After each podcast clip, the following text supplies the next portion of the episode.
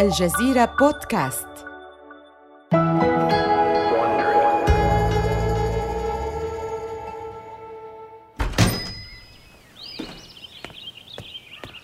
إنه صباح بارد من أيام شهر سبتمبر عام 1950 في مدينة كوينسي بولاية ماساتشوستس. يفتح بيل روزنبرغ الأبواب الزجاجية لمتجره الذي يحمل اسم أوبن كيتل في تمام السادسة صباحاً. إنه أول محل للقهوة والدونت يتيح لزبائنه الجلوس لتناول القهوة. ينتظر مجموعة من الرجال بالخارج متلهفين لتناول قهوتهم الصباحية. إنهم عمال مصانع ومندوبو مبيعات ورجال أعمال. يسرع عامل يرتدي سترة مع سروال ثقيل ليكون أول من يدخل إلى المحل. صباح الخير يا بيل أهلا مارتي أترغب في طلبك المعتاد؟ بالتأكيد قهوة بملعقتي سكر وقطعتين من الدونة المحلاة. هذا كل ما أحتاجه لأبدأ يومي. يلتفت روزنبرغ لرجلين يرتدي كل منهما بدلة مع ربطة عنق وقبعة. صباح الخير يا رفيقي. مرحبا بيل. هل تعلم رائحة قهوتك جميلة جدا لدرجة أنها توقظني قبل أن أرتشف منها رشفة واحدة؟ يجلس الرجال على مقاعد جلدية أمام طاولة الطلبات المنحنية التي يقف خلفها روزنبرغ. يبتسم لهم روزنبرغ وهو يملأ أكوابهم بالقهوة التي يتشوقون لها. وبمجرد أن تفرغ الأكواب يعيد ملأها مرة أخرى. على الحائط فوق إناء القهوة لافتة مكتوب عليها قهوتنا هي أفضل قهوة في العالم. هكذا يمتلئ متجره كل صباح. وهو ما يجعله دائم الابتسام. يتجه إلى المطبخ. إنه يحب مشاهدة عجينة الدونت وهي تنضج في الزيت المغلي حتى يتحول لونها إلى اللون الذهبي قبل أن ينتشلها الطهاة من المقلاة بملاعق كبيرة.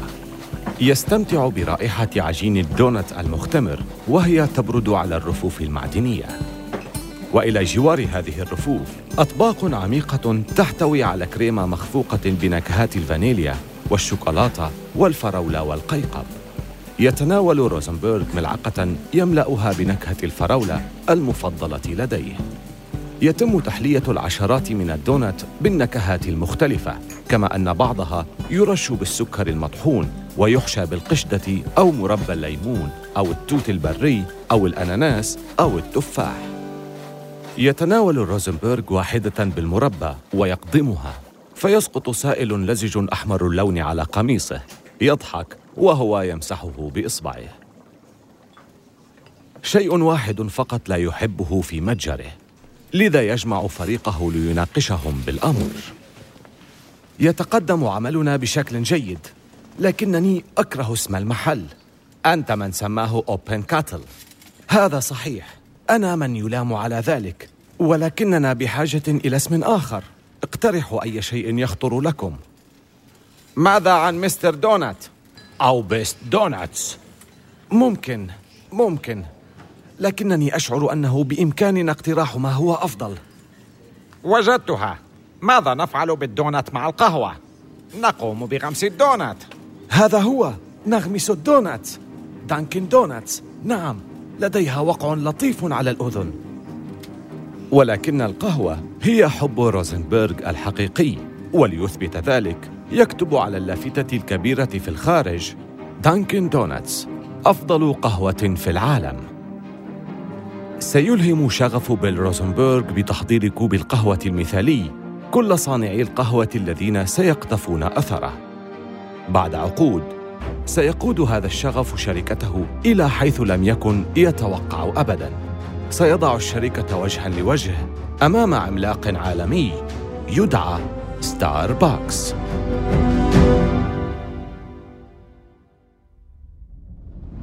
من الجزيرة بودكاست بالتعاون مع وونري هذا بودكاست حروب الأعمال.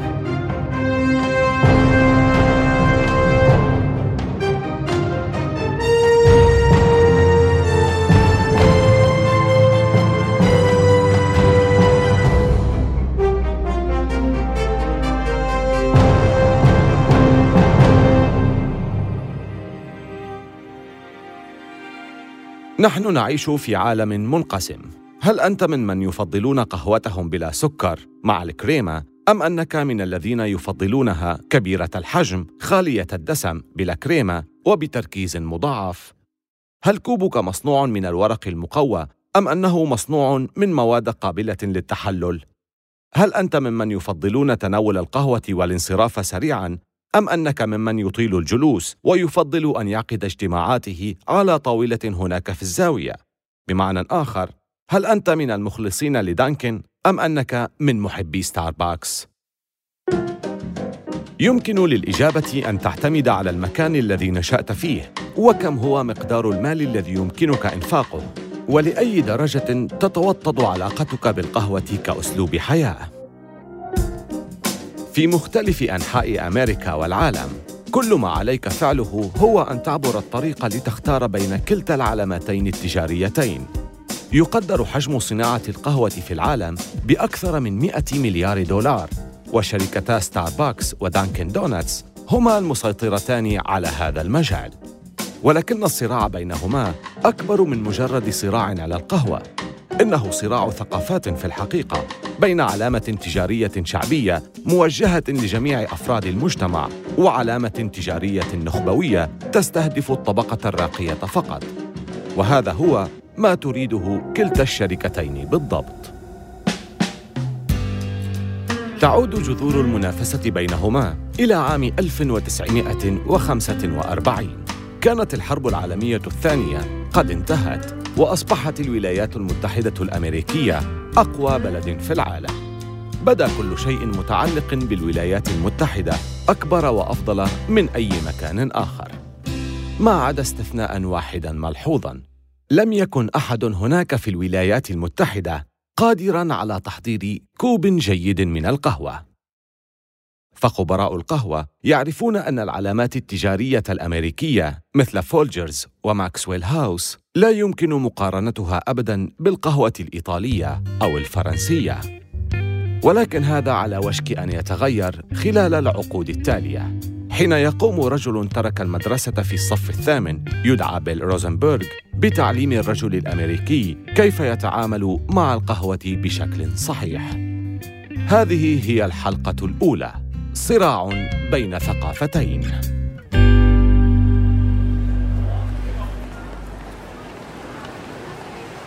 إنه مايو عام 1945 يقف بيل روزنبرغ خارج مكاتب شركة توريد القهوة لاتورين وسط مدينة بوسطن.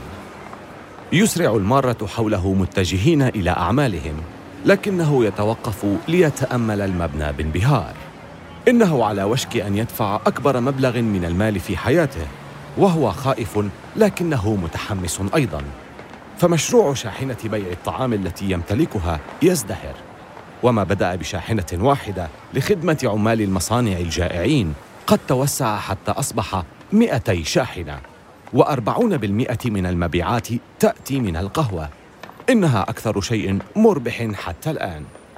ولكن روزنبرغ غير راض عن القهوة التي يقدمها وقد عقد العزم على أن يجد أفضل منتج لزبائنه.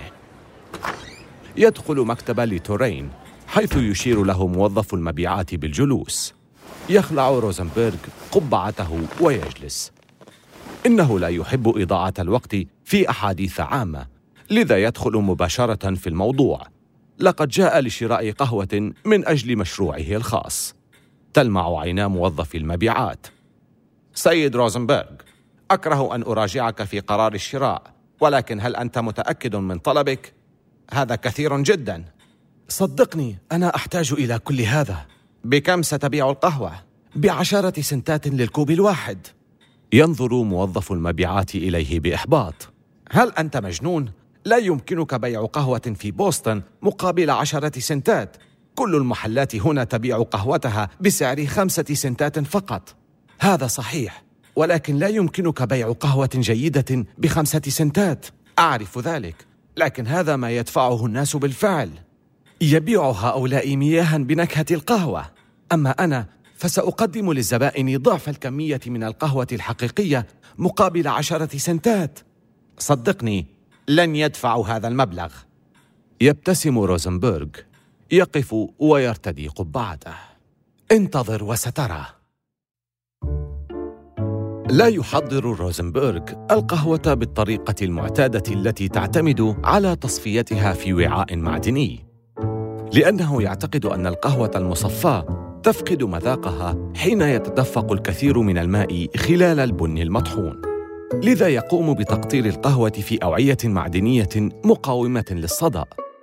تبلغ سعة الواحد منها نحو 400 لتر وفوق الوعاء كيس كبير من القماش توضع فيه كمية كبيرة من البن المطحون. بعد غليان الماء يتم سكبه فوق البن حتى يصل الشراب إلى قوامه المناسب. يستطيع الزبائن التفرقة بين هذه القهوة والأنواع الأخرى التي قاموا بتجربتها من قبل. وقد كان روزنبرغ محقاً سيقومون بالدفع مقابل الجودة. وبالرغم من أن ثمن كوب القهوة عشرة سنتات إلا أنه لا يستطيع ملاحقة الطلب المتزايد. وبعد وقت قصير تصبح لديه خمسة أوعية سعة كل منها 400 لتر لها صمامات تنظم حركة الماء وكميته. ويتولى سير متحرك نقل القهوة في خزانات يزن كل واحد منها أربعة كيلوغرامات ونصف. بعض هذه الخزانات يضاف إليه الكريمة والبعض الآخر يضاف لها السكر وكمية أخرى يضاف إليها الاثنان. ثم يتم وضع ملصق عليها قبل إرسالها إلى الشاحنات. يشعر روزنبرغ بالرضا عن الخدمة التي يقدمها لكنه شخص طموح وقلق أيضا إضافة لكونه رائد أعمال بالفطرة. حين كان صغيرا وخلال فترة الكساد الكبير قام بسحب كتلة كبيرة من الثلج إلى ميدان سباق في يوم حار جدا ثم قام ببيع رقائق من الثلج مقابل عشرة سنتات للقطعة وجمع مبلغ 171 دولارا. في بيته بمدينة كوينسي بولاية ماساتشوستس يجلس روزنبرغ ليتناول العشاء مع زوجته بوكي يبدو هادئا على غير عادته. بيل لم تتفوه بكلمة واحدة. ما الذي يشغلك؟ أعلم أنه يجب علي أن أكون راضيا. عملنا يزدهر بشكل جيد لكنني أرى المزيد من محلات الدونت تفتح كل يوم. أوه بيل لا يمكنك تحقيق أرباح كبيرة من بيع القهوة والدونت. لا يتجاوز سعر كوب القهوة مع قطعة دونت خمسة عشر سنتا. ولكن السر في عدد الأكواب التي يمكن بيعها. مالك محل كارج دوناتس يقوم الآن ببناء منزل كبير جديد في إحدى المدن القريبة. وكل ما يملكه هو محلان صغيران للدونت. وهذا يشعرني أن هناك فرصا عظيمة في هذا المجال. أعلم أنك تحب أكل الدونت. ولكن هذا لا يعني أن عليك بيعها. ولكني سأبدأ بقهوتي. التي يحبها الناس ثم سأضيف الدونات. حتما سينجح ذلك. ثق بي يا بوكي. إنه يوم الذكرى في الحادي والثلاثين من مايو عام 1948 يقف بيل روزنبرغ خارج محل القهوة والدونات الخاص به وبيده مقص كبير يتجمع حوله حشد من الناس. ما الذي يحدث هنا؟ لماذا توجد هذه الأعلام البرتقالية فوق منجرك؟ إنه يوم الافتتاح. إنها مناسبة هامة. ابقى هنا. سنقوم بتوزيع القهوة والدونت مجانا. أستطيع أن أشم رائحتهما من هنا. رائحتهما طيبة حقا. يبتسم روزنبرغ وهو يقص الشريط الأحمر الممتد على باب المحل. يصفق الجمهور بحماس ثم يسرعون إلى الداخل ليحصلوا على قهوتهم المجانية. خلال أشهر يجني هذا المتجر الصغير ثلاثة آلاف دولار وهو ما يعادل اليوم واحدا وثلاثين ألف دولار. تمثل القهوة ستين بالمئة من المبيعات ولا يعترض الزبائن على الأسعار. إلى جانب القهوة يقدم روزنبرغ 52 نكهة للدونت بسعر خمسة سنتات لكل واحدة. في عام 1949 يحتفل المتجر بالذكرى السنوية الأولى لافتتاحه. إنها مناسبة هامة جدا ولكن روزنبرغ متعطش للمزيد. إنه يحلم بافتتاح محلاته في جميع أنحاء ولاية ماساتشوستس وهذا ما يقدم عليه بالفعل. يبدأ بالطريق الرئيسي شمالي ولاية بوسطن ولكنه يحول متاجره إلى مساحة عرض مفتوحة. في كل محل نافذة تتيح للزبائن النظر إلى داخل المطبخ. يستطيعون رؤية الخبازين وهم يقومون بلف العجين ثم رش الدقيق عليه وتقطيعه على شكل الدونات. ثم يقومون بوضعه على منخل يغمرونه بزيت مغلي إلى أن يتحول إلى لقم لذيذة. رؤية هذه العملية إلى جانب الرائحة الجذابة تجعل إغراء الدونات أمراً لا يقاوم. بحلول عام 1955 أي بعد خمسة أعوام من افتتاح أول محل لا يزال الإقبال في تزايد بشكل لا يستطيع روزنبرغ ملاحقته لذا يجمع موظفيه. هناك نموذج جديد للعمل يطلق عليه حق الامتياز. يبدو الموظفون في حيرة. سمعت عنه ولكنه ليس منتشرا. يقول الناس إنه لا يناسب السوق. حسنا بالنسبة لي إنه عبقري. إذا قمنا بذلك يمكننا بيع حقوق الامتياز باسمنا وشعارنا ومنتجاتنا ونموذج أعمالنا لطرف ثالث. هذا سيحولنا إلى مانحي الامتياز وهم أصحاب الامتياز. سيقومون بإنفاق المال من أجل تأسيس أعمالهم ونقوم نحن بتحصيل رسوم امتياز أولية بحيث نأخذ خمسة بالمئة من قيمة مبيعاتهم مع خمسة بالمئة سنويا للدعاية. في المقابل سنقوم بتوفير كل الإرشادات التي يحتاجونها لجعل محلات دانكن دونتس الخاصة بهم ناجحة. ولكن لماذا نخبرهم بأسرارنا التجارية؟ لأنه عندما تتشارك مع الآخرين يستفيد الجميع.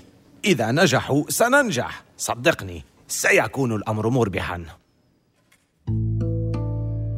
في عام 1955 تم افتتاح أول فرع حاز على امتياز دانكن دونتس في مدينة ديدهام بولاية ماساتشوستس على بعد 20 ميلاً من بوسطن. خلال السنوات العشر التالية يرتفع عدد المحلات الحاصلة على الامتياز إلى 100 وعلى الرغم من ازدهار العمل لا يشعر بيل روزنبرغ بالراحة. ربما لأنه لا يشعر بالثقة في قدراته على إدارة انتقال دانكن دونتس إلى الخطوة التالية. إنه يريد للشركة أن تتوسع أضعاف ذلك وهذا يعني تعيين العديد من الموظفين وفهم القرارات الإدارية بشكل أكبر والاستعداد لطرح الشركة في البورصة يوما ما وكلها مهارات ليس واثقا من امتلاكها. لذا في عام 1963 يسلم بيل منصب الرئيس التنفيذي لابنه باب البالغ من العمر 25 عاماً. لقد تخرج للتو من تخصص إدارة الأعمال بجامعة هارفارد ويبدو كأنه نسخة شابة من أبيه المتحمس. يستمر بيل كرئيس فخري للشركة ولكن على الرغم من تنازله رسميا عن منصبه لابنه إلا أنه لن يتركه يدير كل شيء وحده. في أوائل أيام باب كمدير تنفيذي ينتحي بيل به جانباً. باب كان معي كوب من القهوة في المكتب واضطررت لرميه. ماذا حدث لمعايير صناعة قهوتنا؟ حسناً كما تعلم أنا لا أشرب القهوة. من الأفضل لك أن تشربها. ليس هناك ألذ منها. بيل مقتنع أن باب هو الشخص المناسب لإدارة الشركة. إنه ذكي ومتعلم. حصل على الماجستير في إدارة الأعمال من جامعة هارفارد. رغم ذلك فإن باب ليست لديه الثقة الكافية بنفسه. لم يسبق له العمل قبل ذلك ووجد نفسه مباشرة في منصب الرئيس التنفيذي للشركة.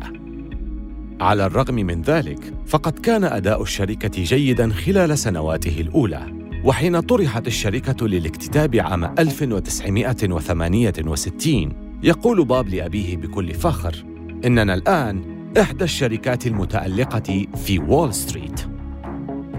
ولكن باب يتمدد بعيداً عن منشأ دانكن دونتس في منطقة نيو إنجلاند ويتوسع بالشركة بسرعة وحين تصل فروع دانكن دونتس إلى ولاية تكساس تكون النتيجة كارثية حيث إن ستة من أصل عشرة محلات جديدة تغلق يلقي أصحاب الامتيازات اللوم بغضب على الإدارة لعدم القيام بالدعاية الكافية أو الاهتمام الكافي بمحلاتهم. وتخسر الشركة الكثير من المال حين يقوم أصحاب الامتيازات الغاضبون بمقاضاة دانكن دونتس بحجة أن الشركة كسرت قواعد عقدها بالتركيز على بيع المزيد من حقوق الامتياز بدلاً من مساعدة الفروع الموجودة بالفعل. يصل خبر الدعوى القضائية إلى باب الذي يشعر بالقلق والاضطراب. الآن عليه أن يخبر والده بتهديد أصحاب الامتيازات للشركة. دعوتهم القضائية سخيفة، ليس فقط لأن ما يزعمونه غير حقيقي، ولكنهم يطالبون بأربعة أضعاف قيمة الشركة كلها. حسناً، من الأفضل لك فعل شيء حيال ذلك سريعاً، لأنهم إن ربحوا القضية سنخسر كل شيء. تم استدعاء باب روزنبرغ لاجتماع مع مجلس الإدارة. يتحاشى الأعضاء النظر إليه. نأسف لقول هذا. ولكن حان الوقت لكي تستقيل. اسمعوا فقط أعطوني فرصة لفترة أخرى. رجاء أعتقد أنه بإمكاننا تصحيح المسار. إنها مدينة نيوهيفن بولاية كونيتيكت عام 1972 تقف إدنا ديمري في مطبخ دانكن دوناتس الذي يملك زوجها حق امتيازه. كثيرا ما تأتي لمشاهدة العمال خلال عملهم في إعداد الدوناتس.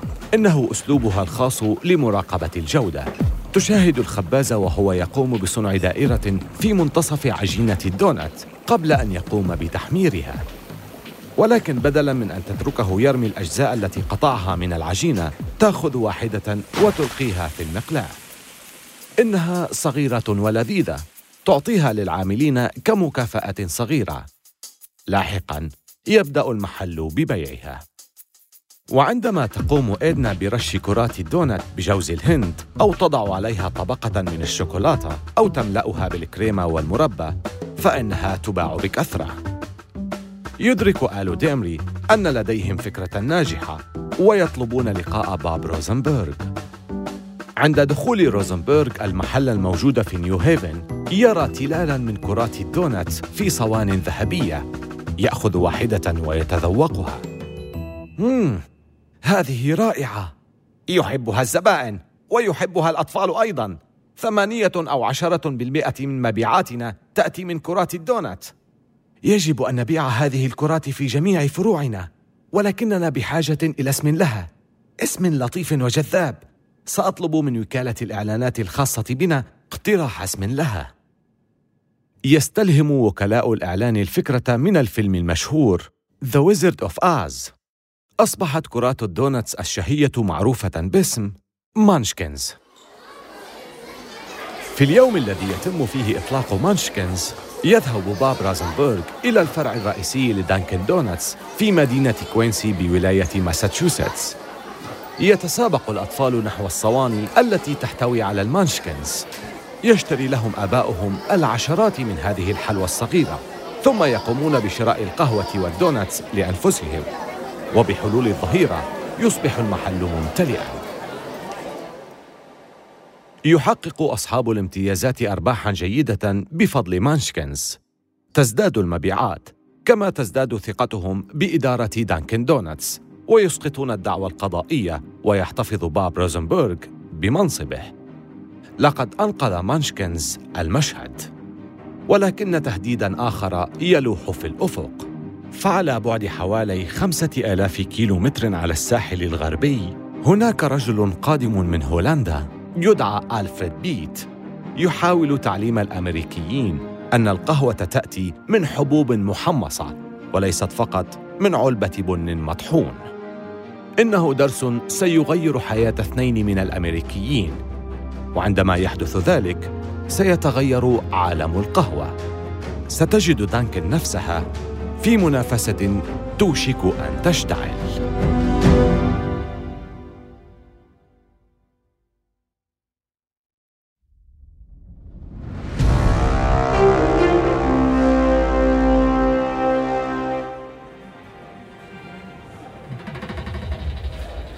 إنه صيف عام 1967 في مدينة بيركلي بولاية كاليفورنيا.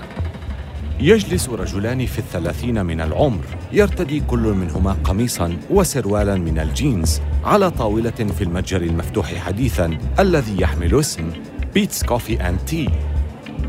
منذ بضع سنوات كانا زميلي سكن في الجامعة والآن يعيشان في مدينة سياتل. جيري بولدوين الذي يعمل مدرسا للغة الإنجليزية وجوردن باوكر الذي يعمل كاتبا. في نهاية أحد الأيام في مؤتمر أدبي يحتاجان إلى جرعة من الكافيين يأخذ بولدوين رشفة من الكوب أمامه. واو!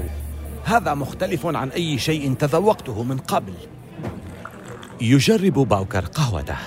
إنها عظيمة. إنه مذاق يستحوذ عليك. هذه ليست بالقهوة التي تشربها للحصول على جرعة من الكافيين فقط. بل هي طيبة المذاق كأنها نبيذ فاخر. سأقول لك شيئا. أنا لن أشرب أي شيء آخر بعد اليوم. إنه يعني ما يقول. منذ ذلك الحين يقوم باوكر وبولدوين بطلب حبوب القهوة الخاصة بمقهى بيت إلى مسكنهما في سياتل وكلما شربا القهوة أحباها أكثر. ينتابهما الفضول حيال صاحب المحل ألفريد بيت. تعتبر القهوة شيئا وراثيا لدى ألفريد بيت. حيث إن والده كان تاجرا يقوم باستيراد حبوب القهوة من إندونيسيا وشرقي إفريقيا وجزر الكاريبي. يرتب الرجلان للقاء بيت في مكتبه بمدينة بيركلي. يجلس باوكر وبولدوين على الكراسي المريحة في مكتب بيت الصغير.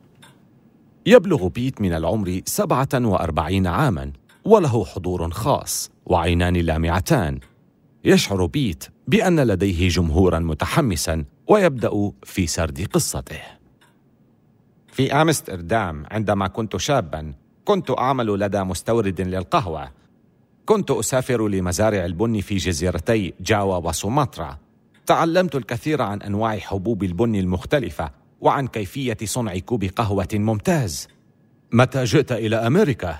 في عام 1955 في أول صباح بعد وصولي إلى سان فرانسيسكو ذهبت لأشتري إفطارا وطلبت كوبا من القهوة. كان طعمها سيئا فبصقتها. لم أجد قهوة جيدة في أي مكان. سألت نفسي كيف يمكن أن يحدث ذلك في أغنى بلد في العالم؟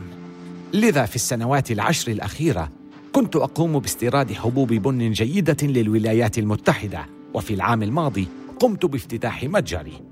ما الذي يجعل قهوتك بهذا المذاق الرائع؟ أقوم بتحميص الحبوب حتى يصبح لونها داكنا. تلك هي الطريقة الأوروبية وهذا ما يبرز نكهتها الكاملة. كما أنني أقوم بخلط حبوب من بلاد مختلفة. أقوم بمعرفة خصائص كل نوع من القهوة حتى أستطيع معرفة درجة التحميص المناسبة لها. هذا مذهل. لم أكن أعرف أن الأمر يتطلب كل هذا. خلال السنوات الثلاث التالية يقوم بولدوين وباوكر بطلب قهوة بيت لمسكنيهما في سياتل ولكن لا يبدو أنهما يكتفيان بذلك. وفي صيف عام 1970 تخطر لباوكر فكرة ويسرع بها إلى بولدوين. ها لنقم بافتتاح محل قهوة خاص بنا هنا في سياتل. نستورد القهوة ثم نبيعها. نفعل ما يفعله بيت. مهلا أنتظر. هل أنت جاد؟ نعم اسمع. نحن مدمنان على حبوب البن الرائعة تلك. لماذا لا نجعل بقية سكان سياتل مدمنين أيضا؟ تروق الفكرة لبولدوين. يقوم كل منهما باستثمار 1350 دولارا ويقومان باقتراض خمسة آلاف أخرى من بنك محلي. سيتولى باوكر وبولدن إدارة المشروع الجديد. يلتقيان في بيت باوكر ويسكبان لنفسيهما بعض القهوة المركزة ويبدأان مناقشة التفاصيل. يبدأ بولدوين بمناقشة أول التفاصيل تأثيراً في تأسيس العلامة التجارية. اختيار الاسم. أخبرني شخص ذات يوم أن الأسماء التي تبدأ بحرفي السين والتاء لديها وقع قوي. حسناً هناك مدينة قديمة مشهورة باستخراج المعادن تدعى ستاربو. من الممكن أن نسمي المكان باسمها. انتظر انتظر. أتذكر اسم أول شخص في رواية موبي ديك؟ ستارباك؟ ها هذا هو إذن. ولكن بتغيير بسيط سنسميه ستاربكس والآن باوكر وبولدوين بحاجة إلى شعار. يقومان بالبحث عن صور في كتب بحرية قديمة. إحدى هذه الصور كانت لحورية بحر أسطورية لها ذيلان. صورتها مغرية تماما مثل القهوة. في الحادي والثلاثين من مارس عام 1971 يفتتح محل ستاربكس للقهوة والشاي والتوابل في سوق بايك بليس التاريخي في سياتل. صمم المحل على طراز بحري يعرض على رفوف خشبية طويلة ثلاثين نوعاً مختلفاً من القهوة. يقوم الشركان ببيع حبوب البن وأفضل آلات صنع القهوة في المنزل. وفي بعض الأحيان يقومان بعرض العينات التي يبيعانها في أكواب مصنوعة من البورسلين والتي تجعل مذاق القهوة أفضل. يشتريان حبوب البن من ألفريد بيت. وبمجرد أن افتتحا متجرهما يسافران إلى بيركلي حيث يعلمهما ألفريد بيت فن تحميص حبوب البن. ولكن الصعاب كانت في انتظارهما منذ البداية. كانت سياتل في حالة انكماش اقتصادي عرفت باسم إفلاس بوينغ. شركة بوينغ لصناعة الطائرات هي أكبر شركة توظف العمال في المدينة، وقد قامت بفصل 62 ألف موظف. رغم ذلك، يحقق ستاربكس شهرة واسعة. إنه ناجح بين سكان مدينة سياتل الذين يحبون فكرة تحضير القهوة في منازلهم، خصوصاً في أيام الشتاء القاتمة. فستاربكس هو المتجر الوحيد في المدينة الذي يقوم بتوفير قهوة ذات جودة عالية. بحلول عام 1981 أصبح لدى باوكر وبولدوين أربعة محلات في منطقة سياتل. ليس بالعدد الكبير، لكنه كاف لجذب انتباه أحد عشاق القهوة الذين يرونها كأحد الطقوس اليومية المقدسة. إنه يبلغ من العمر 28 عاماً ويدعى هاورد شولتز منذ اللحظة التي يرى فيها ستاربكس ستتغير حياته ويتغير معه سوق القهوة كله للأبد. في الحلقة القادمة تحرز دانكن دونتس نجاحا كبيرا بفضل خباز بارع ورحلة هاورد شولتز إلى إيطاليا تغيره للأبد. آمل أن تكونوا قد استمتعتم بهذه الحلقة من حروب الأعمال. استمعوا إلى حلقاتنا عبر أبل بودكاست وجوجل بودكاست وشاركوها مع أصدقائكم. ولا تنسوا زيارة موقعينا على الإنترنت podcast.aljazeera.net وwandry.com وملاحظة سريعة حول المحادثات التي سردناها لا يمكننا أن نعرف بالضبط ما قيل ولكن هذا الحوار مبني على أفضل الأبحاث التي قمنا بها. بعض أجزاء هذه القصة مبنية على أحداث كتاب Time to Make the Donuts لكاتبه ويليام روزنبرغ وكتاب Pour Your Heart Into It لكاتبه هوارد شولتز. هذه السلسلة من حروب الأعمال قدمها في نسختها باللغة الإنجليزية ديفيد براون وكتبت القصة إليزابيث كي كبيرة المنتجين والمحررين كارين لوي. محررة النسخة الإنجليزية ومنتجة هذه الحلقة هي إيميلي فروست. وقام كايل راندل من شركة باي إيريا ساوند بالهندسة الصوتية والمنتج المنفذ هو مارشيل لوي وجيني لوور. أخرج السلسلة هيرنان لوبيز لصالح شبكة واندري